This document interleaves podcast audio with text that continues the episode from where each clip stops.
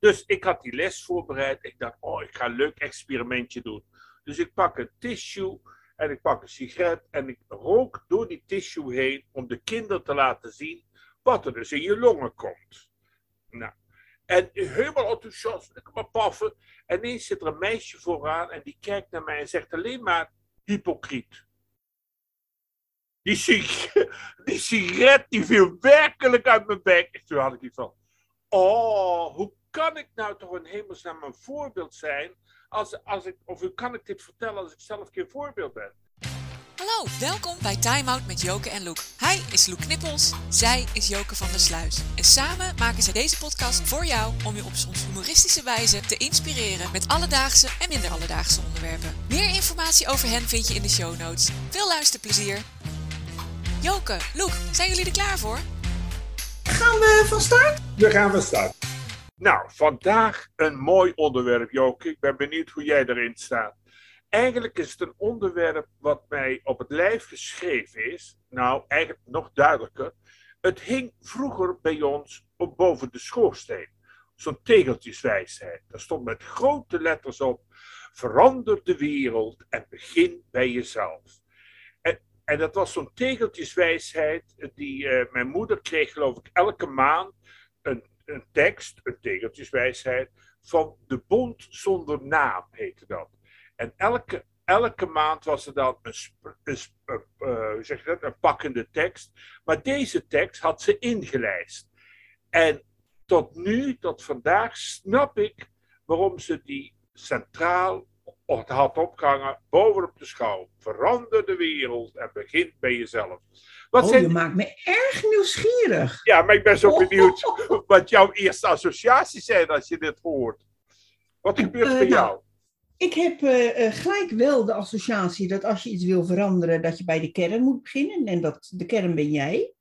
Ah, als je jezelf niet verandert, verandert er helemaal niks. Mm het doet me altijd denken aan een steen die je in de vijver gooit, weet je wel. Dan heb je eerst een kleine kring die steeds groter uh, wordt. En de steen ben jij dan. De knuppel in het hondenrok, kan je ook uh, zeggen natuurlijk. En um, als jij verandert, ik doe het vaak ook bij als ik een, een, bijvoorbeeld een stel heb als cliënt. En een van de twee, er zijn bijvoorbeeld problemen, ik noem maar wat. En een van de twee wil niet meekomen. Dat kan. heb je ook in andere vormen van therapie wel eens dat een van de twee uh, geen zin heeft om daarin mee te gaan. En uh, vaak wordt dan gedacht dat het een onbegonnen zaak is. Nou, dat is niet waar. Want de grap is dat als jij maar een, een, een vliegenpopje wijzigt in je eigen gedrag of reageren of whatever, die ander niet anders kan dan ja. uh, mee reageren. ja. Ja, want als, als die gewend is dat jij altijd uh, bijvoorbeeld, ik noem maar wat, uh, gaat schreeuwen, terugschreeuwen of zo, weet je, bij, ja. bij een conflict of whatever. En ineens doe je dat niet. Maar zeg je van, ik, ik noem maar, het is gewoon een voorbeeld, hè, want. ja. En je zegt bijvoorbeeld van, ehm, ik hoor je, ik snap jouw standpunt, maar kun je even luisteren naar hoe dat voor mij voelt? Dat is een compleet andere reactie. Nou, dan zal je zien dat die ander gewoon helemaal in shock is.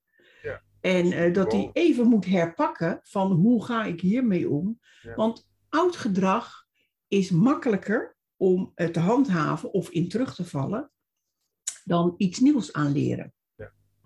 Ja, dat, en... uh, weet je, en je krijgt dan een soort sneeuwbaleffect. Dus als je begint bij jezelf, uh, moet je je ook bewust worden van welke gedachten je hebt. Hè? Want negativiteit blijft hangen. Hm. Straal je ook uit. Hm. Gaat van binnen doorvreten. Allemaal dat soort dingen. Dat heeft ook met het uh, vergeven en loslaten uh, te maken. Dat is in feite min of meer weer een gevolg. Het zijn allemaal um, oorzaak-gevolg dingen die dus een soort doorgroeien. Um, als je daar een aantal punten voor jezelf in ontdekt hebt kun je kijken welke stappen voor jou effectief zijn. En dus ook voor een ander of voor je omgeving of voor whatever. Je kan bijvoorbeeld, um, als je je uh, uh, helemaal schil irriteert aan, ik noem maar wat, onkruid bij jou voor op de stoep. Ja. Maar de stoep is officieel van de gemeente. Ik, ik noem maar wat. Hè. Ik, dat weet ik niet, maar dat even als voorbeeld. En je ergert je eraan. Dan kan je 120.000 miljoen keer bellen, mailen, appen, eh, schrijven, whatever. Met klachten, negativiteit dus, hè, naar de gemeente. Maar er gebeurt niks, want ja, uh, bezuiniging en moeilijk, personeel en uh, nou, allerlei dingen die ze dan hebben. Je kan ook denken van, nou ja, weet je, hoe groot is het? Ik doe het zelf. Ja. En je hoeft heus niet meer op je knietjes. Je hebt tegenwoordig van die hele andere stoffen met van die stokken, met van die handige ijzeren borsteltjes, met zelfs een pin nog aan de andere kant. Kan je staande een beetje prutten tussen die tegels, klaar, weg. Ja. Op, probleem opgelost. Ja, Zonder negativiteit. En, en, jij bent weer uh, blij. Ja. Dus dat. En uh, wat ook heel belangrijk is, vind ik dan, hè? Het, ik heb het alleen over mezelf eigenlijk, is om vooral in het nu te blijven. Als je steeds bezig bent met het verleden, dan, um, ik weet wel dat het verleden gemaakt heeft dat je bent waar je nu bent. Maar als je steeds terugkijkt op wat geweest is, kun je niet kijken naar wat er nu is. Ja. Als ik steeds achteruit kijk, zie ik niet de bloem die naast me bloeit, bijvoorbeeld. Ja. Als ik bezig ben met de toekomst, dus vooruitkijken, zie ik misschien wel de bomen ver weg op de weg. Maar ik zie niet uh, dat schattige egeltje wat voor mijn neus oversteekt. Ik, het, het, zijn gewoon een beetje rare voorbeelden, maar het, is even om een beeld te scheppen. Nou, dan is het heel belangrijk, vind ik ook weer, om te erkennen wat je sterke en je zwakke punten zijn.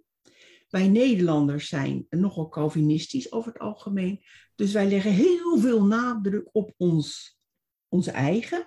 En ook zeker op die van een ander. De zwakheden, het niet kunnen, het falen, het bla bla bla. Maar kijk ook eens wat je wel kan. Ik zeg altijd, en dat zei ik ook zelfs al in mijn puberteit, dat bescheidenheid vind ik een mooie eigenschap. Maar valse bescheidenheid moet bij mij niet mee aankomen.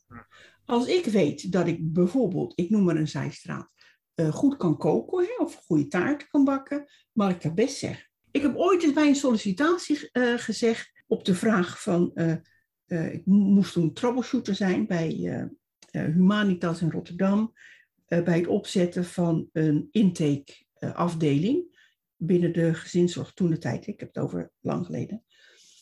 En toen zeiden ze van, waarom moeten we eigenlijk jou nemen? En toen zei ik, zeg, omdat je dom bent als je het niet doet. Want in dit stukje ben ik gewoon heel goed. Ik overzie het, ik weet wat er nodig is. Ik kan heel goed mensen motiveren in dit stuk. Hè? Ja. Ga me niet vragen om mensen te motiveren om de oorlog in te gaan. Hm. Ga me niet vragen om mensen te motiveren om, uh, weet ik veel, zeehondenjacht of vlees te eten. Of, nou, dat, dat, daar ben ik allemaal niet goed in. Maar waar ik wel goed in ben, mag ik best vooruitkomen. En dat is geen valse bescheidenheid. Dat is een stuk zelfzekerheid en jezelf kennen. Het is ook geen arrogantie, want ik weet ook dat binnen die sterke punten ik natuurlijk best een aantal valkuilen heb. Dus daar moet je je goed van bewust zijn. En dan vooral ook ga door, ook als je tegenstand ervaart. Want je krijgt altijd tegenstand bij nieuwe dingen in het begin. Mensen zijn doodsbang voor veranderingen dat als je nu kijkt naar de wereld, uh, naar bijvoorbeeld uh, andere mensen dan met in een hetero huwelijk, ik noem maar wat, ja. samenlevingsvormen of weet ik wat je allemaal kan verzinnen, is er al een enorm verschil met de jaren 50. Ja. Het, het vraagt steeds wel een lange adem, maar gewoon doorgaan, volhouden, geloven in dat wat je doet en vooral ook in jezelf. Kom ik ook bij blijf bij jezelf. Blijf heel dicht uh, bij jezelf. Want alleen dan ben je sterk genoeg om uh, al die dingen aan uh, te kunnen. En ook eerlijk te zijn naar jezelf. Zie het goede in de mens. Zie het goede in jezelf. En ik weet heus wel dat er rotte appels in de mand ook liggen. Maar je kunt gaan lopen janken over die ene rotte appel in die 20 kilo. Ja. Of je kan genieten van de 20 kilo minus één appel. Precies. Zo kan je het ook uh, uh, zien. En um, ja, blijf jezelf daarin ontwikkelen. Want weet je, als je eenmaal eh, iets, iets weet, iets kent, iets vindt, iets whatever, voortschrijdend inzicht heet dat. Hm. dat. Je weet nooit hoe dingen lopen. Oh, ik vind het wel opvallend hoe goed jij erover nagedacht hebt, zeg. Ik Nou, nee, de grap is dat ehm, dit is voor mij, dit is iets wat bij mij heel dicht aan mijn hart eh, ligt. Hm. Het is iets waar ik in mijn leven vaak tegenaan ben gelopen, heb meegemaakt, eh, dus veel al heb over nagedacht. Ik doe altijd wel extrovert, maar ik ben eigenlijk een eh, van binnen verwerker. En pas wanneer ik iets een beetje heb uitgepuzzeld voor mezelf, kan ik er ook pas mee naar buiten komen. Ook een stukje zelfbescherming, heeft ook met eh, eh, lerend inzicht eh, te maken. En ehm, toen ik dus eh, gisteravond ontzettend laat dacht van, goh, Loek vraagt altijd om een tip. Wat voor tip kan je eigenlijk geven? Nou, toen kwam ik auto- automatisch bij Gandhi aan. En toen realiseerde ik me dat ik eigenlijk, ja, ik ken Gandhi natuurlijk, weet je, in grote lijnen en eh, nou heel eh, algemeen en zo. En toen dacht ik van, god, ja, ik, ik ken eigenlijk die hele man verder niet eh, echt. Mhm. Weet je, ik ken zijn, ehm, een, zijn imago en ik ken een klein beetje zijn levensgeschiedenis, maar zijn denkbeelden, ja, dat hij voor de vrede is, maar verder niet echt. En wat schetste mijn verbazing? Dat waar ik zelf mee bezig ben geweest, hè, al eh, 64 jaar ondertussen, kwam dus helemaal terug ook bij Gandhi. Ik denk, oh, nu snap ik dus eindelijk ook waarom ik altijd antwoord van als mensen vragen van eh, ben je religieus? Nou, in principe wel, maar niet in de vorm van eh, kerk, Kerk. kerk, van Ja. instituut of zo. Ja. En dan zeg ik altijd van, ik vind voor mezelf dat ik een gezonde mix heb van eh, eh, het, eh, het katholicisme en het boeddhisme. En wat zwaarder is, geen idee. Ik ben gek op verhalen, gek op sprookjes, gek op natuurgodsdiensten. Nou, dan kom je al gauw bij Maria uit, hè, de, moedergodin, voor mij dan. Maar het boeddhisme met vrede, vrede voor jezelf, respect voor alles wat leeft. En dan zit je weer in het boeddhisme. Ja. Maar eigenlijk vind ik dat ehm, die dingen, die, die twee dingen samen, eh, eigenlijk eh, gewoon eh, ja, niet zoveel met religie te maken hebben of weet ik veel, maar gewoon met, ja, met, je, met je leven, met, Ja. met jezelf, met hoe je. Mijn moeder had vroeger een tegeltje met. even kijken, hoe, hoe ging het ook weer? Ehm, wat gij niet wilt dat u geschiet, geschiet dat ook een ander niet. Nou, maar dit was, vond ik vroeger altijd een grote doordenker. Maar tegenwoordig denk ik, ja, de, als jij met respect behandeld wil worden, maar je gebruikt ieder ander als een voetveeg, moet je niet gek eh, denken dat een ander jou eh, Ja. ook het zuur laat krijgen of Ja. eh, weet je wel, zoiets. En als jij je altijd als slachtoffer opstelt, moet je niet verwachten dat een ander jou ineens als leider of als hero of weet ik veel wat eh, behandelt. Ja. Nee, dat is dan een rol die je blijkbaar ook jezelf opneemt. Waarmee ik niet zeg dat mishandelingen eh, goed zijn, hè? Dat Nee, nee, ik nee, nee, nee, nee. Nee, dat wil ik wel even gezegd hebben. Want dan weet ik alweer hoe dat gaat. Op, eh, nou, ik zit er dan godzijdank niet op Twitter en Facebook en allemaal dat gedoe van, met reacties van luisteraars. Ja. Van, oh, nou, dan is zeker vrouwenmishandeling of weet ik voor welke mishandeling. Nee, dat dus niet, want dat is namelijk niet respectvol. Yes. Maar als iemand eh, ehm, zichzelf een stempel geeft, dus dat ze zelf doet, dan moet je niet klagen als een ander je benadert, behandelt, whatever, naar aanleiding van je eh, stempel. Ja, als Dus je, ehm, jouw voorbeelden vind ik heel sterk, want het riep bij mij meteen ook de associatie op, waardoor ik dus heel vaak aan de rand stond in mijn werk. Eh, verander de wereld, begin bij jezelf.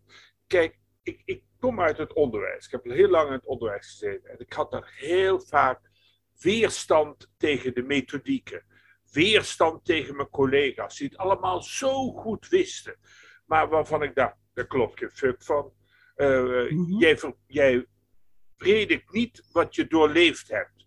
En toen ik op de hogeschool kwam, was dat voor mij vele malen sterker. Maar toch een heel klein voorbeeld, heel praktisch voorbeeld. Op een bepaald moment stond in mijn leerplan op de basisschool dat ik wat informatie moest geven over eh, alcohol en drugs en het gevaar van roken. Ik Oh ja. rookte zelf volop in de klas. Dat was gewoon. In, in, die, Ja, ja. Tijd, in die tijd was gewoon. Ja, ja. Dus ik had die les voorbereid. Ik dacht, oh, ik ga een leuk experimentje doen. Dus ik pak een tissue en ik pak een sigaret en ik rook door die tissue heen om de kinderen te laten zien wat er dus in je longen komt. Nou, en helemaal enthousiast, ik maar paffen. En ineens zit er een meisje vooraan en die kijkt naar mij en zegt alleen maar hypocriet. Heel goed. Die, sig- die sigaret die viel werkelijk uit mijn bek. En toen had ik iets van, oh, hoe kan ik nou toch in hemelsnaam een voorbeeld Ja. zijn? Als, als ik, of hoe kan ik dit vertellen als ik zelf Ja. geen voorbeeld ben? Nou, Nee. ik, ik ben gestopt met roken en dat kwam echt van binnenuit. En dat, die lijn, kan ik zeggen, is de rode lijn in mijn leven. Ook in therapie, eh, als mensen met een enorm moeilijk thema kwamen, kon ik soms zeggen: Hier heb ik absoluut geen ervaring in. Ik luister naar je en ik wil een stukje met je meelopen. Maar verwacht niet van me dat ik de oplossing weet, want ik ken dit probleem helemaal niet aan de lijve. Dan was je open en kwetsbaar.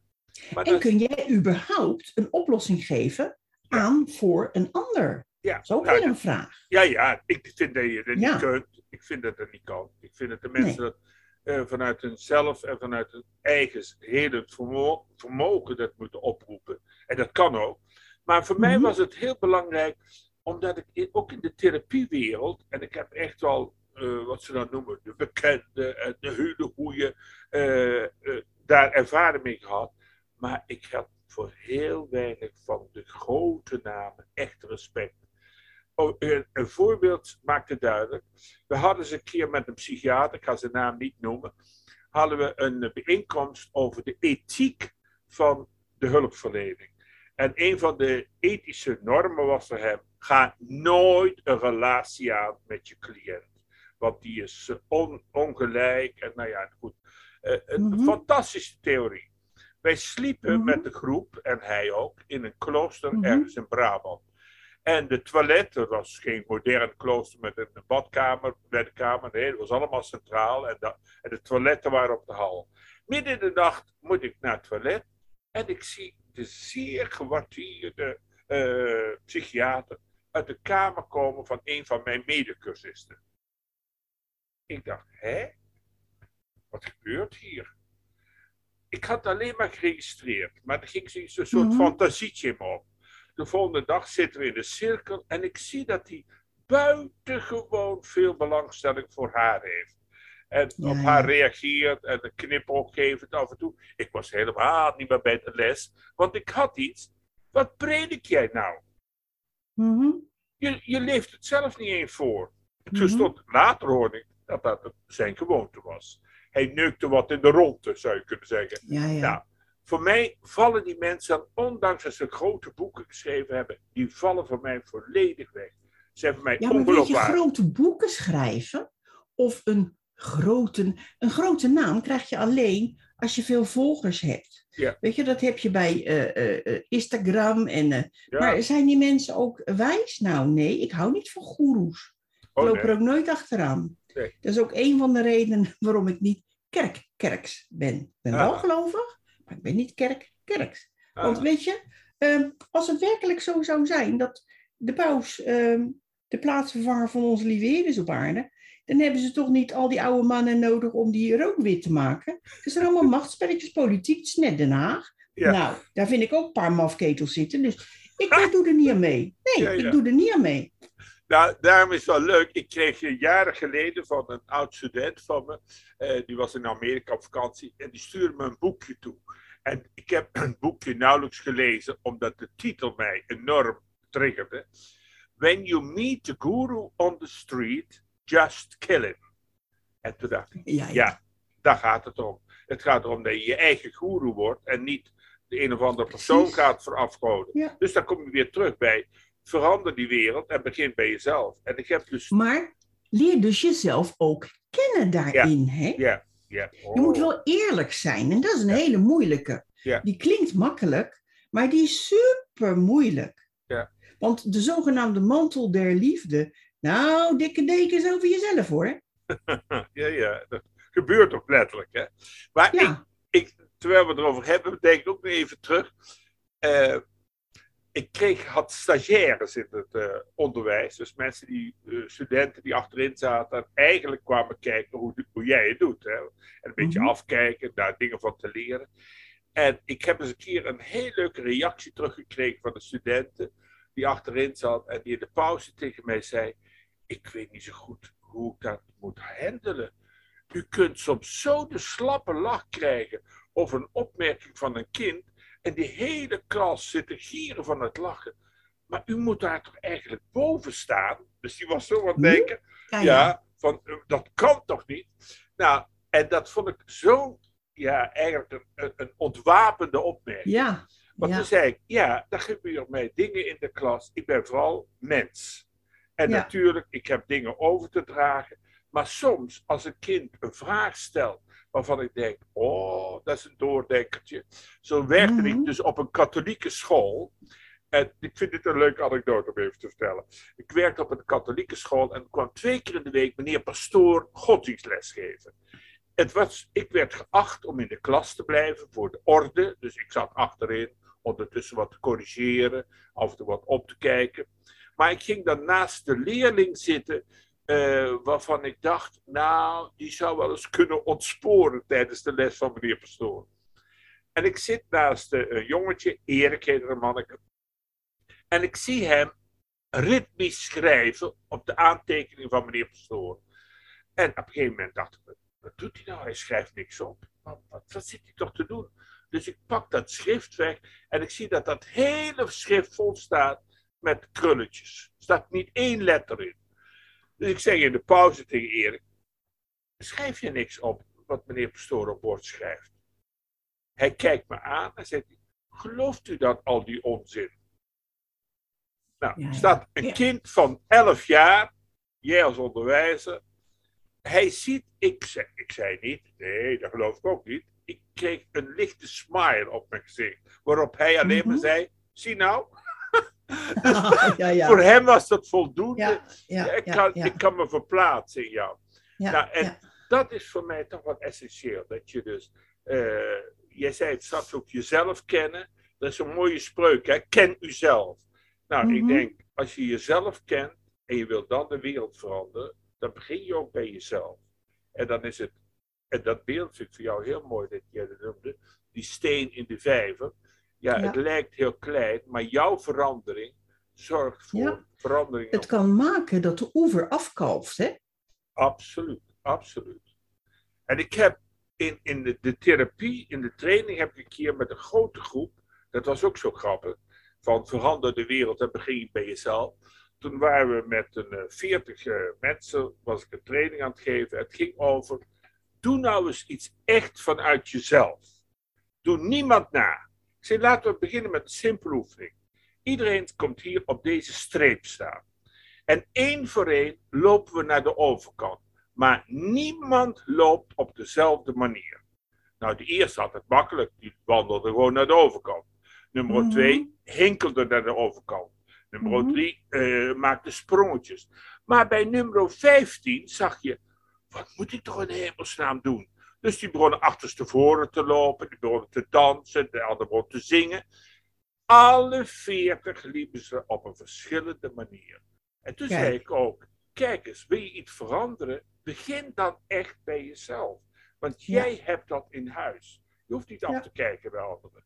Nee. Nou, en, en dat is eigenlijk ook een beetje, dat is ook heel duidelijk waar jij aangeeft. hè. Steeds vertrekkend vanuit jezelf. Ja, maar ik vind het grappig dat jij het voorbeeld geeft van naar de overkant lopen. Als ik eh, een groepsessie eh, heb, maakt niet zoveel uit welke cursus. En afhankelijk van eh, de energie ook in de groep, doe ik wel eens een derde chakra oefening. Ja. En die heeft te maken met stappen zetten natuurlijk. Hè, Ja. En met zelfvertrouwen en eh, nou, bla bla bla. En dan laat ik ze dus ook lopen, bewust lopen, naar de overkant, hoe zij dat willen. maar dan ook wat dat doet in hun lijf. Waar zit de spanning? Oh ja. Dat heeft dus heel vaak ook met dat, eh, de ontwikkeling of de niet-ontwikkeling van dat, onder andere dus, dat derde chakra te maken. Ja. En inderdaad, godsdienstonderwijs, grappig. Ik heb twee voorbeelden. Op de lagere school, ik heb op een openbare lagere school gezeten. Daar hadden wij een god, godsdienstleraar. De heer P. van de Mede heette die. Een beetje, hij zag er, als je hem zo zag, dan dacht je van, nou, dat is een, uh, een, een zwaargelovige droog, droogkloot. Zo zag hij er een beetje uit. Dat is een uh, vooronderstelling dus, hè? Ja. Want ik heb nog nooit zo'n fijne, creatieve, uh, respectvolle, breed georiënteerde docent gehad als hij. Echt een geweldige man vond ik dat. En ik weet nog toen ik me, uh, me wilde gaan verdiepen bij de katholieke kerk. Toen woonde ik natuurlijk nog in die tijd met een man en uh, zat ik op school in Bavel, op de academie. En toen ben ik naar het klooster in Bavel gegaan. Nou, daar kreeg ik dus iemand die net een, ik weet, kom even niet op het woord, zo'n jaar time-out had gehad. Een retrettejaar had gehad. Omdat hij twijfelt, twijfels had was een, een broeder, of een, oh, ja. een hoe heet dat, een pater. Was het dus. Hij is inmiddels helaas overleden. Ik heb een ontzettend warm contact ook mee uh, gehouden daarna.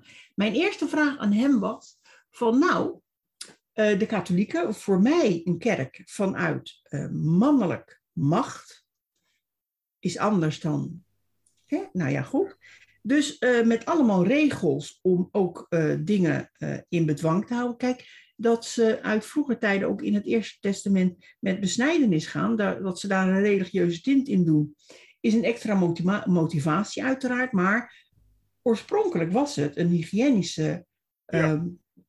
hoe noem je dat? De handeling, dankjewel. Ja. Dus mijn eerste vraag aan hem was van, nou, de, prima allemaal, en je zit hier in het klooster en bla bla bla. Hoe zit het met het celibatair? Ik denk, ja, laat me gelijk de deur even opengooien. Hè? Het uh, Rotterdams, dus prima. Gelijk, hup, klap. Dit wil ik weten. Super eerlijk. En hij moest eerst nadenken. En toen zei hij, ik vind het een ontzettend goede vraag.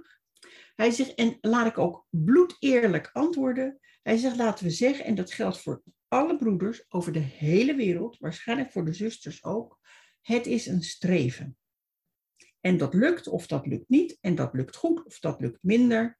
Het is een streven. Maar de gedachte erachter is, nou ja, dan, en dan komt de uitleg over uh, rein van lichaam, rein van geest en ja. uh, contemplatief en bla bla bla allemaal. Hm. Nou, daar zit trouwens ook wel wat in hoor. Maar ik dacht van ja, weet je, zo'n opgelegde dingen, hoezo? Ja. Nou, dat dus. maar ik hou niet van opgelegde dingen. Nee, maar hij was dus in die zin ook weer heel open naar jou. Absoluut. Ja, Absoluut. En dat zou je aan zijn uiterlijk nooit hebben kunnen denken. Dus dat vind ik zo grappig. Dus ik zeg ook heel vaak tegen mensen van, het is niet altijd zoals je denkt dat het eruit ziet. Ja. En of het dan om mensen gaat, of dingen, of situaties, of uh, je weet het niet. Ja. Weet je, en dan worden de dingen ook in uh, het journaal, of weet ik voor waar, uh, geroeptoeterd. Maar ik zeg dan heel vaak, je weet nooit 100% A, wat er achter een voordeur gebeurt. En daarna nog eens een keer wat er in iemands hoofd of hart gebeurt. Ja, Want die persoon zelf, weet hij dat eigenlijk precies? Ja. Ik weet zelf, als ik voor mezelf spreek, ook niet echt altijd van uh, waarom ik soms uh, heel boos kan reageren op iets of iemand of op een situatie. En als ik daar dan uh, voor naar binnen ga, dat ik denk van nou, doe eens even normaal.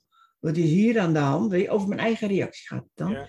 Dan zit er bijna altijd ook iets onder of achter, wat eigenlijk helemaal niks met dat betreffende uh, item te maken heeft.